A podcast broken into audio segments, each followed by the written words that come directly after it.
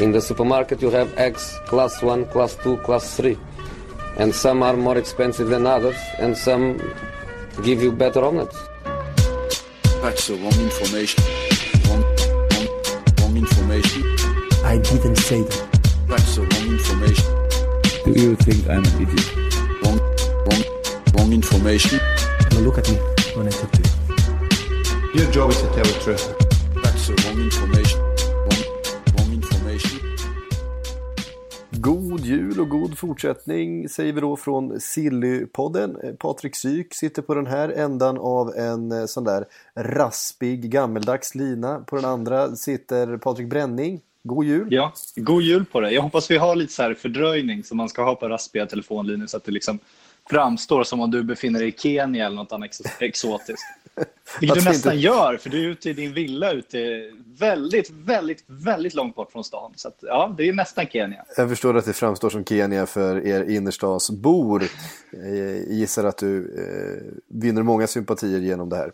Ja, aj, aj, aj. Ja. Ja, eh, Sillypodden kör en mellandagsinspelning eh, och då, eh, då är det så här vi jobbar. Det har hänt lite grann de senaste dagarna. Jag vet inte, vart tycker du att vi ska börja? Ja, vi kan väl börja med den lilla julklapp du fick häromdagen. Men... Ja, så, så får vi väl nästan göra. Nej, men, eh, Virgil van Dijk äntligen klar ju. Det här har ju pratats om sen förra januarifönstret, om vi ska vara riktigt ärliga. Det Ja. var nära att bli klart i somras. Eh, Southampton eh, lackade ur på Liverpool då, över sättet man hade liksom tagit sig an den här transfern och ja, helt enkelt fick eh, Liverpool vänta till nu i januari för att lösa det och då eh, har man också fått betala en liten premium för att man förargat. för så är det ju. Att man, Ja, så är det ju. gjort Southampton förbannade eh, genom sitt sätt att agera och då blev det ganska dyrt till slut.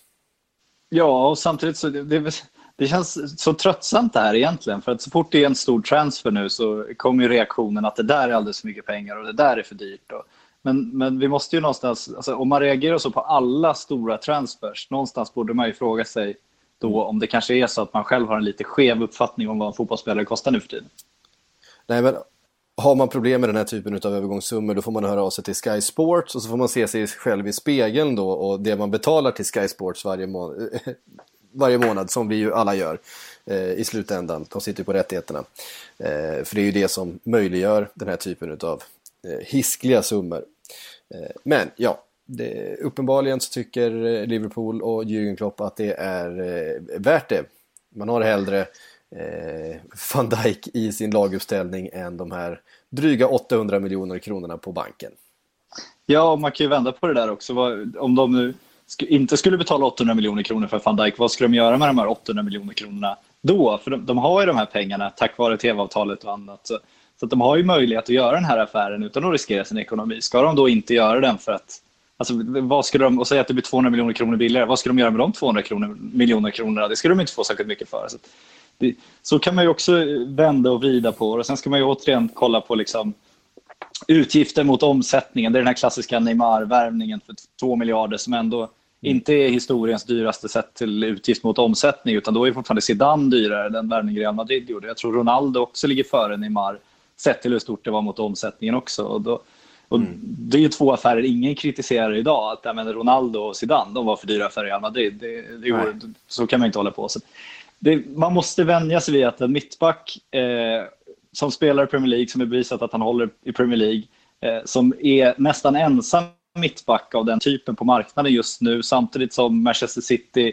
eh, i stort sett alla toppklubbar i England utom, utom Manchester United, är intresserade av mittbackar. Det, då kostar det så här. Det, det, jag, tycker inte att, jag är inte ett dugg förvånad över det. Supply and demand. Det är Ja. den enkla marknadsekonomiska formen att förhålla sig till.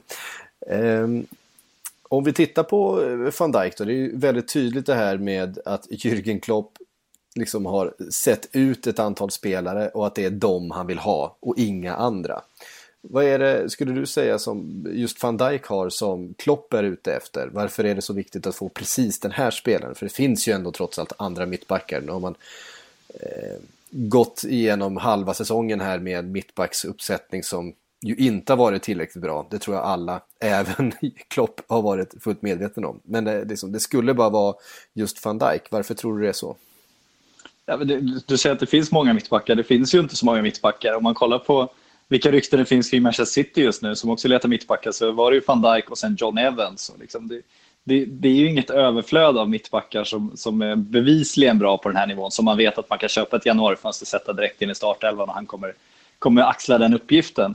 Eh, vi såg ju, Manchester United gick ju svintungt in på Lindelöf i somras utan att veta hur långt det skulle ta att spela in honom i ligan. Och han kostar väl ja, drygt hälften av vad van Dijk gör och är en spelare som man inte riktigt var helt säker på höll på den här nivån. Så, eh, de vill väl ha van Dijk för att han är en av få som de vet funkar på den här nivån. Sen är han ju den här klassiska eh, spelande försvararen. Det är ju liksom, det, det, det, Manuel Neuer introducerar ju den spelande målvakten. Nu, nu är väl hipsteruttrycket den spelande försvararen. Alla ska kunna driva upp boll, är det inte så? Mm. Ehm, ja, men det är ju den här klassiska, jag menar, det är klart att eh, alla förstår att Liverpools uh, försvarsbrister nu liksom inte är lösta i och med det här. Det är ju, det är ju någonstans den här klassiska... Det är tre backar kvar va, eller? Ja, dels det, sen en målvakt. Sen är det ju också den, den klassiska filten.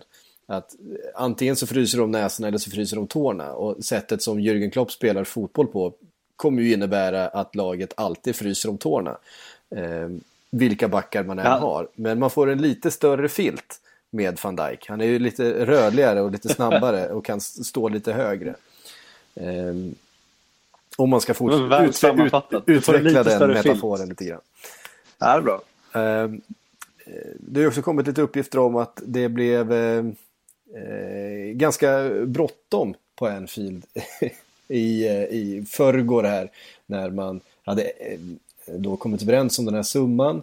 För helt plötsligt så seglade just Manchester City upp som eh, en eventuell eh, utmanare och att de skulle kunna kliva in på samma peng och eh, erbjuda någonting annat och helt enkelt kapa den här affären så de fick flyga in ett läkarteam då från Bournemouth som skulle lösa det här så att det, man kunde få signaturen extra snabbt. Så att det var, det var a sense of urgency på Anfield att få det här gjort. För att man har lagt ner rätt mycket jobb på den här affären och det hade ju varit rätt snöpligt att tappa den till, till City i det här läget när man till slut då är överens med Southampton.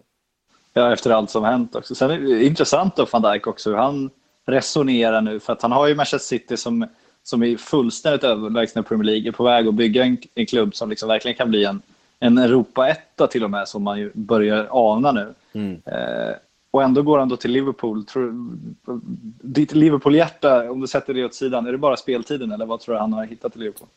Eh, nej, jag tror helt enkelt att, eh, man har sett samma sak, man såg ju en Naby Keita välja verkligen Liverpool, eh, trots intressen från andra klubbar. Eh, man har hört de här ryktena om Thomas Lemar i Monaco, att han också ska vara väldigt, väldigt sugen på, på just Liverpool. Och det, det handlar nog om Jürgen Klopp, alltså den här karismatiska figuren, att man, eh, man vill spela för honom helt enkelt.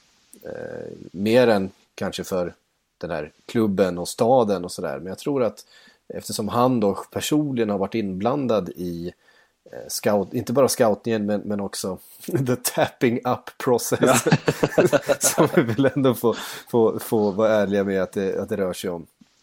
Att det är det som faktiskt gör att, att spelarna eh, han, han, han är väldigt övertygande helt enkelt och väldigt karismatisk eh, och på sitt eget sätt och gör att spelarna blir sugna på att ansluta till hans projekt. Han är en duktig säljare på det sättet. Jag tror att det, det handlar väldigt mycket om det. Han är väldigt hands-on, det får man ju säga. Det är liksom Eh, Eh, han är ju verkligen som du säger personligt inblandad. Man hör hur han har tidig kontakt med dem han ska köpa och han är väldigt aktiv. så. Han är en klubbbyggare får man väl säga, för att använda den slit, slit, slitna klyschan. Ja, och alltså spelare som han har haft i tidigare klubbar har ju fortfarande en väldigt nära relation till honom. Jag menar, han åker på, på bröllop och såna saker med gamla Dortmund-spelare och de pratar ofta om honom i, i eh, i eh, intervjuer och så vidare. Så att han verkar ju ha en väldig förmåga att, att eh, ganska snabbt och ganska liksom, intensivt komma eh, människor nära. Och det, det är såklart en väldigt viktig egenskap i en sån här business. Ja, det är kul att se hur det går med det också. För Mourinho var väl den som var var mest hyllad för att liksom bli mer eller mindre dyrkad av sina spelare. Man vet de här Materazzi-bilderna när han, han gråter i hans famn när han ska lämna Inter och sådär. Man har inte riktigt den bilden av att Real-spelarna sitter och mässar med Mourinho eh, sådär en, en söndag eftermiddag för att kolla hur läget är riktigt. Inte direkt. Eh, sen så känns det som att Mourinho har en, eh, en eh, plus och en minuslista. Och för de som ligger på, på pluslistan så tror jag att det är jäkligt härligt. Och han har ens rygg i alla väder och så vidare. Men hamnar man på minuslistan så tror jag att eh, tillvaron är desto tråkigare. Ja. Får se vart Zlatan är på väg. Ja, vi får väl se. Nu eh, ska vi väl inte skriva av Zlatan riktigt så här snabbt, men han gjorde ju en, en rätt slät figur senast, det får man säga.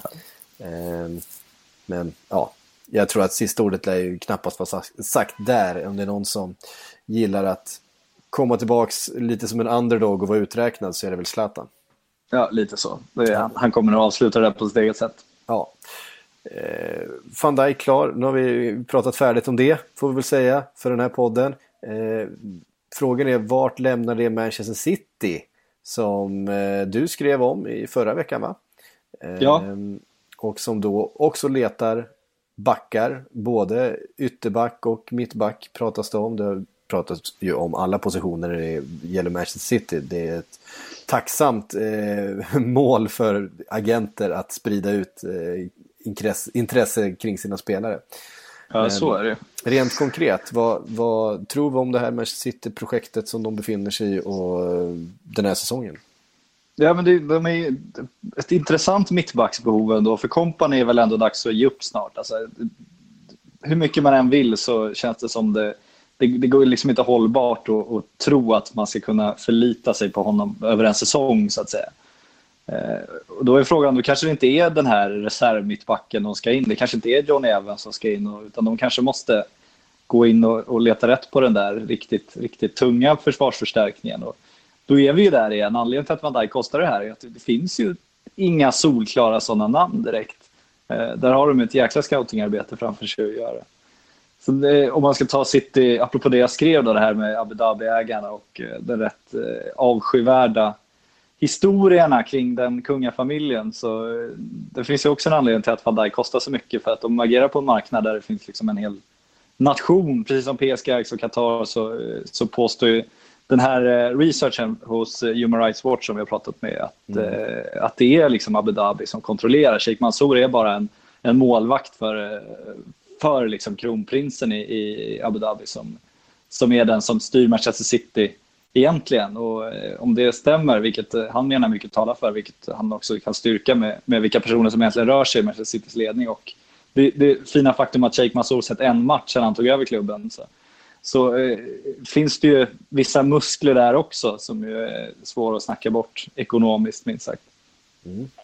Eh, och vad tror du händer med, rent sportsligt med, med Manchester City nu med eh, tanke på de uppenbara problemen som eh, Guardiola så, ja, så desperat uttryckte eh, tidigare här. För någon ska ju in. Det kanske blir Johnny Evans då.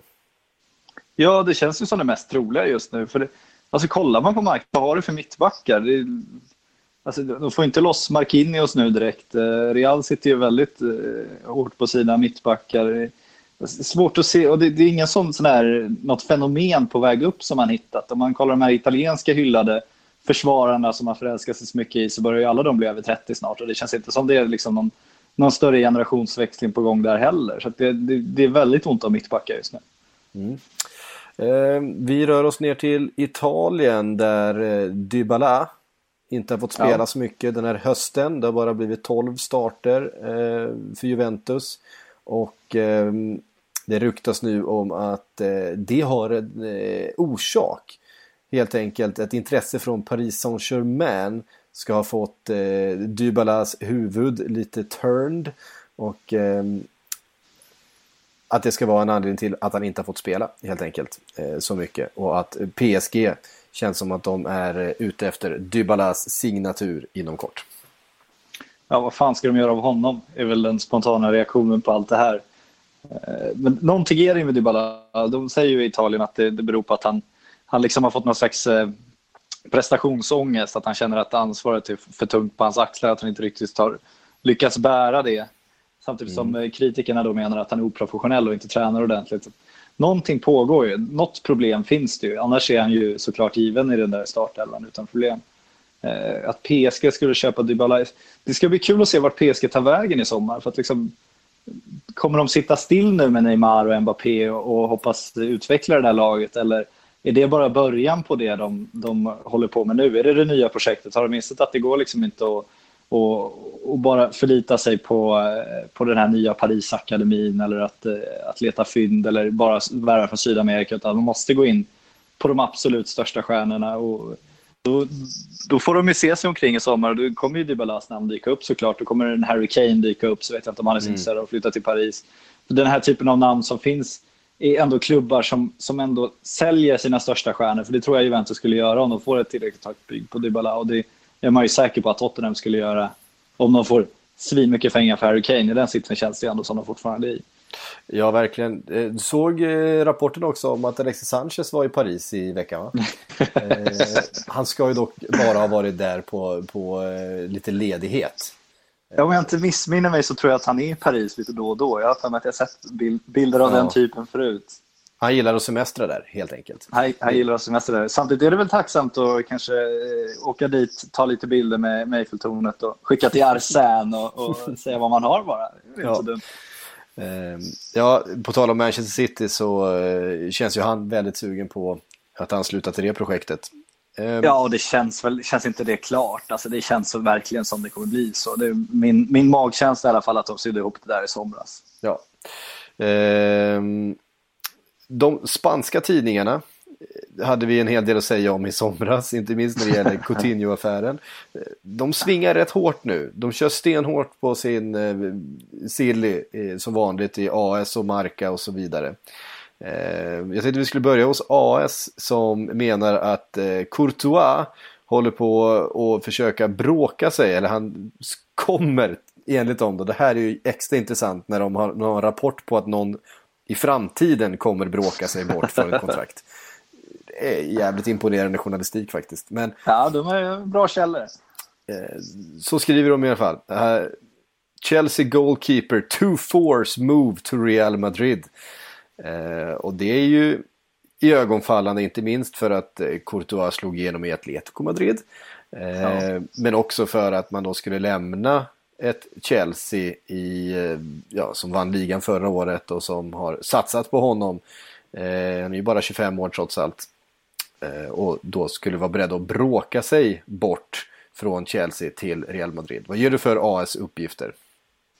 Alltså, man undrar ju vad som hände med Reals målvaktsjakt, för det var ju det där det berömda faxet som stoppade David de Gea. Sen, Precis. Sen la de ju ner där. Det känd, sen, sen, blev det inte mer av det och det kändes inte som att de gick efter någon annan. Så, och ändå, sen dess så kommer ju ryktena eh, på löpande band inför varje transferfönster att det är liksom målvaktsjakt och det är de Gea och det är Courtois som är, som är i, i sikte. Och det vore intressant om, om Courtois verkligen vill bort med tanke på att de då dumpade Peter Cech på det sätt de gjorde för att göra plats för honom Man tänkte väl att de hade goda 15 år med honom eller något sånt där framför sig. Om man då skulle, skulle redan ha tröttnat på Chelsea-projektet och tappat förtroendet där. Det, skulle, det kittlar ju en silly-fantast som en annan. För, ja, det gör ju det. Ja, och David de Gea känns ju som han är ganska nöjd i Manchester United nu helt plötsligt. Eh, det är bilden man får utifrån i alla fall. Mm. Eh, då är det väl Courtois. Sen eh, får vi se, apropå PSG också, det, det pågår väl en debatt om de egentligen ska köpa en målvakt. De tittar på Peperina för att ha någon slags backup till Ariola, men alla är väl inte lika övertygade om Ariolas storhet inför framtiden. Så skulle någon komma ut på marknaden så lär väl de också vara där och hugga. Ja, och jag menar Chelsea gjorde sig dessutom av med Begovic. Nu kanske inte det var eh, någon, någon spelare att satsa på för framtiden. Men man släppte ju ändå en, en målvakt som gjorde ganska många starter förra säsongen och gjorde det väldigt, väldigt bra. Eh, ja. Just med tanke på att man var man hade ju sin Courtois och det var så tydligt att målvakten som fanns där bakom, det var ju en andra målvakt för lång tid framöver. Eh, inte någon som skulle ges något direkt förtroende. Så att, ja, nej, men... Eh, det kommer bli svårt att lösa den här för, för Real Madrid. För, för Chelsea kommer inte vara speciellt sugna på att släppa honom. Eh, så vi får väl se hur bråkig han kan vara. Det är därför han måste bråka sig bort. Ja. Mm, precis. Um, även i Spanien då, Marca, eh, Madrid-tidningen Marca eh, har Coutinho på omslaget och det är klart att nu när Eh, Liverpool har lagt de här pengarna på van Dijk så kommer ju alla rykten kring ringarna på vattnet kring det här och en Coutinho-affär som ju alla är rätt överens om kommer hända förr eller senare hamnar ju på tapeten igen. Ja, så är det ju. Kul att det är Marka som kastar ut det då. Men, men, men vad känner du kring Coutinho? Alltså för, innan sommaren kändes det verkligen som att liksom Liverpools, förtroendet för Liverpools eh, projekt någonstans låg på Coutinho. Skulle han säljas så, så var det spillror kvar. Då fick man börja om och bygga upp det igen. Nu efter Salas succé så känns det helt plötsligt som... Jag skulle inte säga att Coutinho är överflödig på något sätt. Han är absolut en av Liverpools allra viktigaste spelare. Men det känns inte som man, som man liksom slår sönder hela förtroendet längre om man ska sälja honom. Nej, och det känns inte som att hela projektet står och faller med honom heller. Även om att jag fortfarande tycker att det är, det är Liverpools viktigaste offensiva spelare. Det är han som liksom låser upp de där förs försvaren och möjliggör för en Mohamed Salah och en Roberto Firmino att, att göra alla mål som de har gjort eh, nu på slutet. Men samtidigt är det, det är andra spelare på väg in. Eh, om jag ska vara riktigt, det jag tror kommer hända det är helt enkelt att Coutinho försvinner till sommaren och Thomas Lemar köps in eh, som en ersättare helt enkelt. Eh, Ready to pop the question? The jewelers at BlueNile.com have got sparkle down to a science with beautiful lab grown diamonds worthy of your most brilliant moments. Their lab grown diamonds are independently graded and guaranteed identical to natural diamonds, and they're ready to ship to your door. Go to BlueNile.com and use promo code LISTEN to get $50 off your purchase of $500 or more. That's code LISTEN at BlueNile.com for $50 off. BlueNile.com code LISTEN. att fungera till vänster, antingen i ett mittfält eller i ett anfall. Ungefär som eh, Coutinho fungerar nu då. Eh, det är vad jag tror kommer hända och jag tror att det kommer hända till sommaren. Men det är klart att ryktena kommer ju nu i januari. Men samtidigt Barcelona, där de befinner sig just nu, köpa en spelare för så mycket pengar som de ändå kommer kunna köpa till sommaren, vad det verkar. Ehm, som, Ja, de de inte inte använda, som, nu. som, som de inte får använda till... Ja, men det var det som Marca skrev, Ja, att ja, de kommer nej. försöka lösa honom redan nu i januari. Ja, nej, det tror jag inte. det, de, det, de, det de skriver då är att det är då en D-day för Coutinho-affären. För att den 3 januari så ska eh, Coutinhos representanter helt enkelt träffa Barcelona för att lägga upp en plan för hur de ska genomföra den här flytten. Eh, och det är då det liksom ska kritas upp om man ska lägga budet nu i januari, och försöka få honom för de resterande månaderna av den här säsongen eller om man ska lägga ett bud nu redan och sen eh, som börjar gälla i sommar helt enkelt eller typ låna ut Coutinho till Liverpool sista halvåret eller något sånt. Vi får väl Ja, se. nej, det, ja, det blir väl sommar. Jag, dock inte lika... Lemar skulle jag ändå...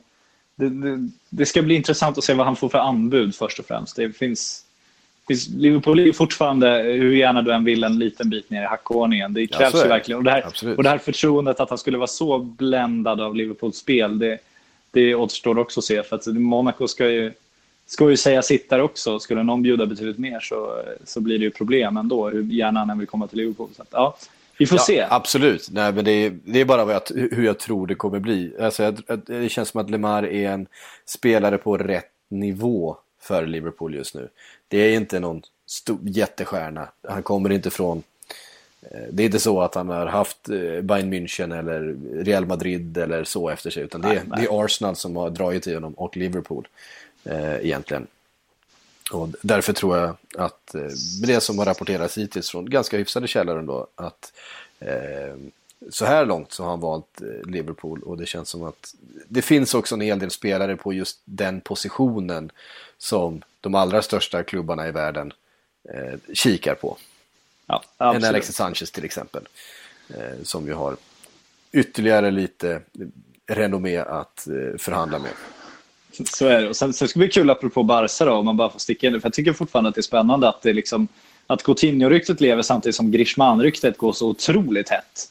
Det, det, alltså, att de ska lägga så mycket pengar under en sommar, det, det, kanske är det de har insett att de måste göra nu. Och det är klart, de har ju pengar efter Neymar-försäljningen och så vidare. Även om Dembélé kostade en rejäl slant han också. Men det, ja, man har svårt att liksom se det framför sig att eh, Barcelona hämtar in liksom två miljardspelare. Det, det känns olikt dem. Mm, efter man har hämtat in en redan sommaren innan. Men Ja, eh.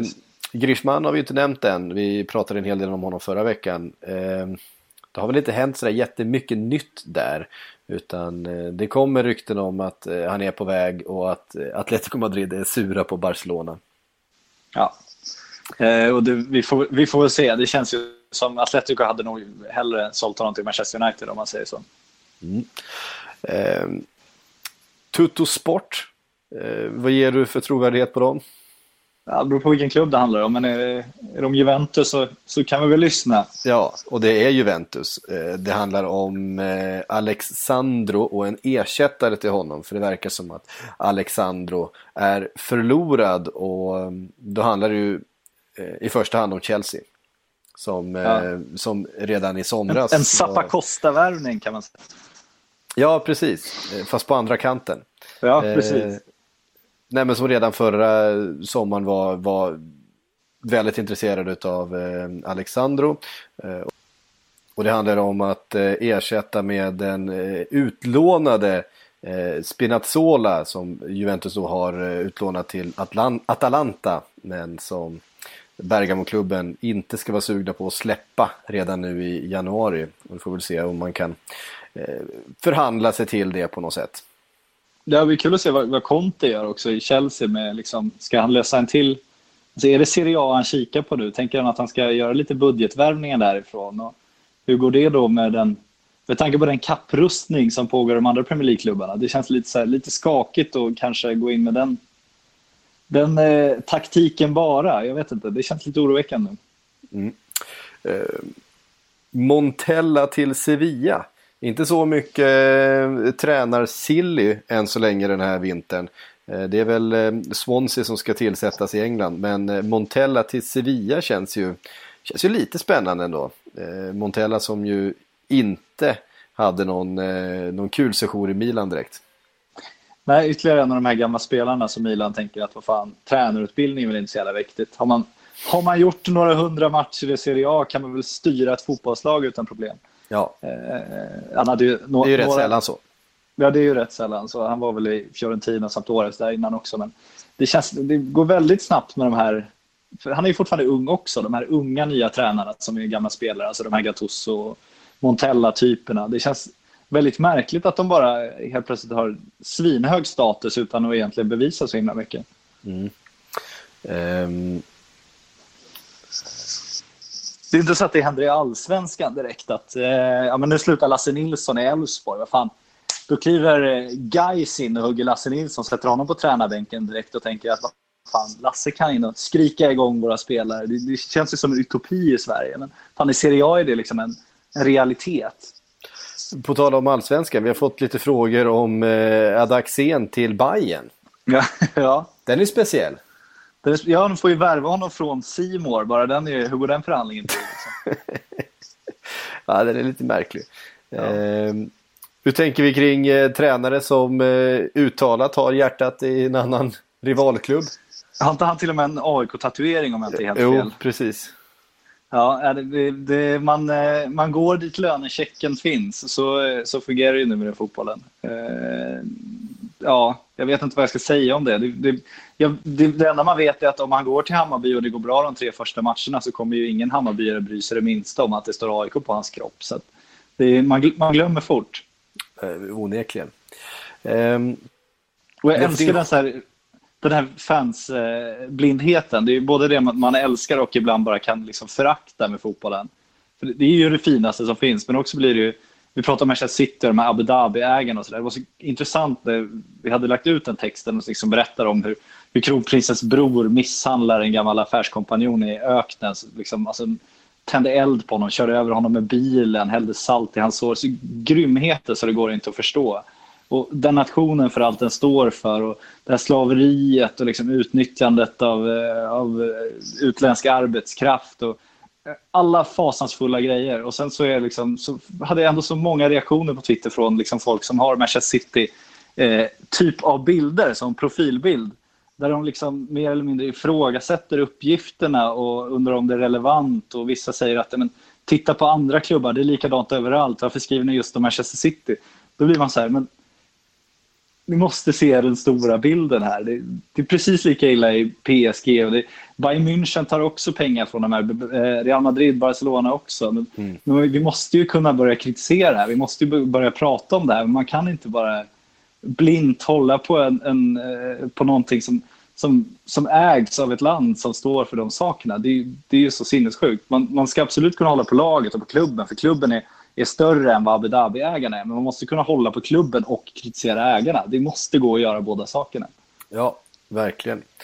Eh, bara därför, vi var inne på eh, tränar-Silly och eh, Swansea. Bara därför så ser jag ju precis här när jag, när jag öppnar upp eh, Sportbladet att eh, Swansea har fått en ny tränare. Och det var eh, någon som kom in lite från vänster för mig faktiskt. Carlos eh, Eh, tidigare Sheffield Wednesday-tränaren som fick sparken därifrån eh, rätt nyligen ser ut att ta över efter Paul Clement eh, som ju fick lämna för ett par veckor sedan. Ja, då har vi sagt det också att vi har, vi har lite koll. Vi kan, inte bara, vi kan inte bara häva ur oss saker eh, när det faktiskt har, har eh, löst sig. Vi läser Sportbladet vi också. Eh, absolut. Eh, Gerard Delofeu. Ja, Vad om gamla? Barcelona-supertalang. Mm. Eh, ja, han, han, han sprang väl en sommar, eller? Han sprang en sommar. Nu verkar han eh, springa på lån till Inter. De har ju jagat mer offensiv kraft i eh, Inter under ganska lång tid nu. Eh, kanske blir det Delofeu. Jag är inte helt övertygad om hans eh, förträfflighet om jag ska vara riktigt ärlig. Ändå intressant att först gå på lån till Milan och sen återvända till, till Milano och gå på lån till Inter. Det hade varit lite sexigt faktiskt. Ja, absolut. Eh, också, han, är, han har ju nästan bara varit på lån under hela sin karriär. Hur gammal är han? Han är 23 ser jag. 23, Ja, ja. varit i Everton, Ska- varit i Sevilla och så Milan. Och, eh, nu verkar det som att Inter är nära att eh, eh, knyta till sig nästa lån på honom. Men lite kul också, för i somras efter, efter Neymar-försäljningen när de inte hade löst Dembélé där Barcelona, då, då, då var ju liksom Delefeo mer eller mindre deras, deras stora, stora förstärkning, att de tog hem honom. Och det gjordes ju ett ganska intensivt PR-arbete därifrån då, liksom ändå trycka fram den här, den här hemvändande talangen och hur han nu, nu hade liksom börjat explodera och skulle spelas in och faktiskt var liksom tilltänkt då som att ta Neymars plats. Det fanns ju till och med de som ville tro då att de säljer Neymar också. Det, det går bra för att de, de ska satsa på Delofeo nu. De tror väldigt mycket på honom. Eh, ett halvår senare så har vi väl sett att Delofeo är väl inte den Barcelona tror på. Samtidigt har de ju överbevisat alla, alla kritiker, inklusive mig själv, på alla andra typer av sätt genom att visa att eh, det där bygget klarade sig rätt bra med utan Neymar och med Paulinho på mittfältet. Mm. Eh, alltså, förra veckan så pratade vi om eh, sajter man ska liksom undvika. Eh, Don Ballon ja, ja, det snurrar fortfarande. var ju det exemplet. Ja jävlar vad det är mycket Don Ballon just nu. Det citeras, jag, citeras överallt. jag upplever att det är mer Don Ballon än vad det har varit någonsin tidigare. Jag håller med. De har, de har fått en flitig ny redaktion som fortfarande ingen vet vilka det består av. Men flitiga är de nu. Verkligen. Ehm, jag ser här också att, eh, ja, det var ju det här ryktet om att Messi skulle vilja stoppa Coutinho-affären. Ehm, han ska nämligen vara den enda fotbollsspelaren i, i Barcelona. Det är hans mål. Ehm, Det räcker så. vilket, vilket trams ändå. Ja, de lanserar ju den, den klassiska, eh, det, det, det, liksom mesta silly season-ryktet som, som har funnits de senaste åren. De, det skickade de ju ut i veckan igen och repriserade det här. Benzema till Arsenal, så de, de kör de ballong. Eh, Tottenham har ju en Harry Kane. Vi ska inte spekulera in i hur mycket pengar han vore värd om han skulle säljas idag. Eh, men det är rätt mycket i alla fall. Eh, däremot så har det varit lite tunt eh, där bakom. Nu pratas det om att eh, Villarreals Cedric Bakambu ska köpa sig in. Han har gjort 14 mål hittills under den här säsongen. Han har haft en väldigt stark höst. Han har en utköpsklausul på eh, typ en halv miljard kronor. Eh, kan det vara något för Everton? Eller för, för Everton? För Tottenham? Everton. Ja, vi pratar ju om, eh, om Tottenham och det här känslan att man tycker att de, de inte ska leta efter en reserv till Harry Kane utan att de ska leta efter en till Harry Kane och sen Mm. eh, hoppas att liksom, alltså, ska de hålla sig kvar på toppen av Premier League, ska de bli en, en riktig titelutmanare så, så kan de inte bygga det här en startelva och en bänk längre utan de måste hitta 15 startspelare som får konkurrera. Därför känns det lite oroväckande med Babanko, ja, Bakambu. Där satt den. Eh, jag har inte sett så mycket spansk fotboll i år. Jag har definitivt inte sett särskilt mycket Villarreal i år, så jag ska inte säga för mycket om honom. Men, men det känns ju som han, han har gjort en stark höst, men innan dess så har det inte varit jättemycket snack om honom. Eh, och 26 år. Ja, jag hade önskat att Tottenham eh, hittade något lite mer namnkunnigt om man säger så. Eh, Så jag kan inte avvisa honom heller. Han kanske är Nej, han har ju uppenbarligen så gjort en- lite av honom. Jag har inte heller sett eh, Villarreal speciellt mycket den här hösten, men uppenbarligen gjort en väldigt bra säsong med sina 14 mål. Ja, det är Eh, väldigt bra. Vi har fått en massa frågor och eh, ja, mycket av det som jag hade tänkt ta upp eh, hamnar i frågorna så vi kan väl bara plocka lite grann. Eh, jag har fått en från West Bay Gooner här till exempel. Mm, eh, om den obefintliga scoutingen hos de nyrika engelska klubbarna eh, som eh, någonting bekymmersamt. Eh, nog måste det finnas en näve med, med mittbackar på planeten som är minst lika bra som van Dijk och inte kostar 750 miljoner. Men det är ju precis det vi var inne på att eh, det gör kanske inte det. Nej, det känns ju inte så. För när, när kom en... Alltså, tidigare i, i ungdomens glada dagar när man satt med sitt Championship Manager, då gick det ju fortfarande att hitta en, en supertalang i, i Sydamerika eller en, eh, en sensationell ryss eller någon, någon korean som dök upp. Liksom. Det, det gör ju inte det längre. Nu, sydamerikanska talanger, vi har ju Vinicius Junior som ju redan är, är köpt till Real Madrid. Eh, de, de, liksom, de, de löser ju dem när de, är, när de är 16 år vid det här laget. Om inte en utländsk klubb löser dem så är det en agent- agentfirma det där. Så kan du ändå inte göra den typen av kap. Nej. Eh, Så, så det, det är välscoutat. Det är också därför van Dijk är så dyr. Det, jag tror att det, det är snarare det det beror på. Eh, förmodligen är det så. Vi har pratat väldigt lite Manchester United idag. Det har varit väldigt mycket United i de inledande poddarna här den här vintern. Men eh, José Mourinho eh, var ju ute och beklagade sig eh, häromdagen och pratade lite om andra klubbar. Eh, han anser inte att... Som han aldrig gör. Han Nej, pratar han aldrig om aldrig. andra klubbar. Det är respektlöst säger han. Ja, precis. Mourinho anser, vi har fått från Jakob Ingesson här eh, som tar upp det här, han säger att eh, Mourinho anser att eh, 300 miljoner pund inte är tillräckligt för att få United på samma nivå som City. Behöver man faktiskt spendera mer, till exempel en Grishman, eller finns lösningen på egna produkter? Lingard har ju presterat enormt bra på eh, sistone till, till exempel. Och ja, det ligger ju någonting i det Mourinho säger, att eh, även att United har investerat väldigt mycket de senaste åren så är det ju ytterligare investeringar som behövs. Frågan är vart man ska hitta dem. Ja, precis. Och Griezmann eh, verkar de ju inte... Enligt de rapporter man läser nu så ska ju klubben varit mer sugen på honom än vad Mourinho var. Sen är väl det ofta en... Det kommer ofta en, någon typ av sån där förklaring när, när du förlorar en spelare, när du inte lyckats lösa det. De var bevisligen väldigt sugna på honom i somras, men då tackade ju han nej till slut.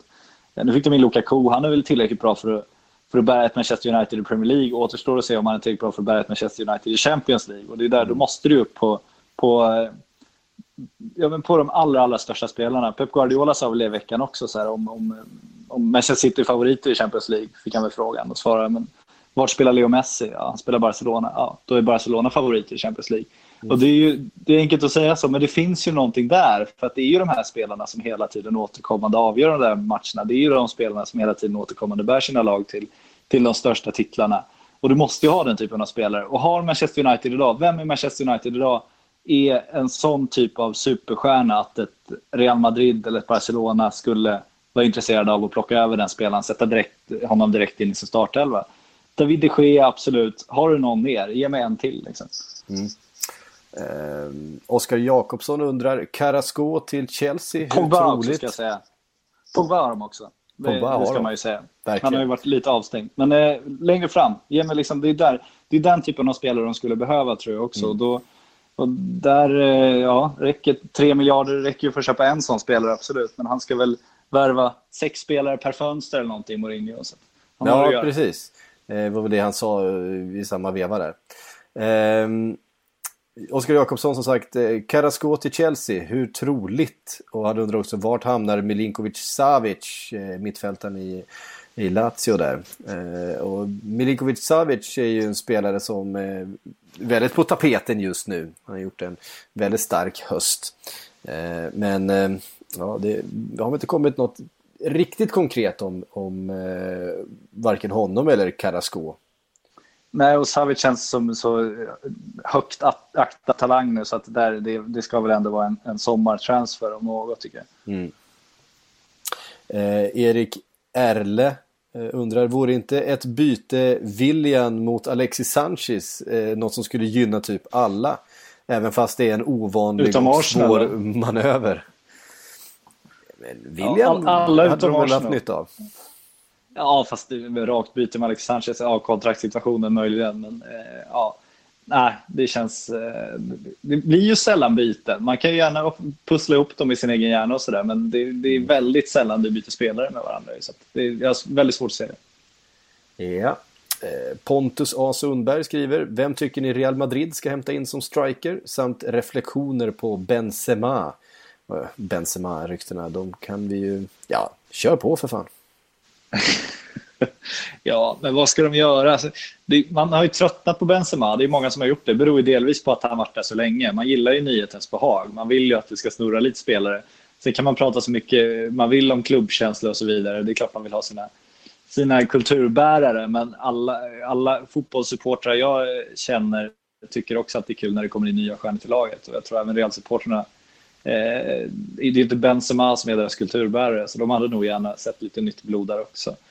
Och då får man väl leta rätt på en superstriker. De verkar inte så intresserade av Alexis Sanchez och sådär, så att jag tror inte att de kommer ersätta Benzema. Och skulle de göra det så är det väl om, om Harry Kane skulle vara möjlig att få loss, för då blir det ju också det här, den där marknadseffekten de så gärna vill ha på sina värvningar. Mm. Ehm, hörde du Patrik, det var faktiskt eh, allt vi hann den här eh, onsdag eftermiddagen är det väl ändå? Fan, Ja, eh, torsdag är det. Torsdag är det. Tors, torsdag är det till och med. Det är mellandagar och du har zonat ut fullständigt. Det, det glädjer mig ändå. Ja, det, det är så det blir. Nästa vecka är tillbaks med eh, fler scoutingrapporter också. Jag sitter och filar på, det har dykt upp ett par nya intressanta namn. Eh, och mer snack om allting som rör silly season förstås. Och fler poddar och bättre ljud på poddarna kommer det bli också. Ja, det blir Igen. högre tryck nästa vecka igen. Hörrni, tack för att ni har lyssnat. På återhörande då. Tack Patrik för att du var med. Tack.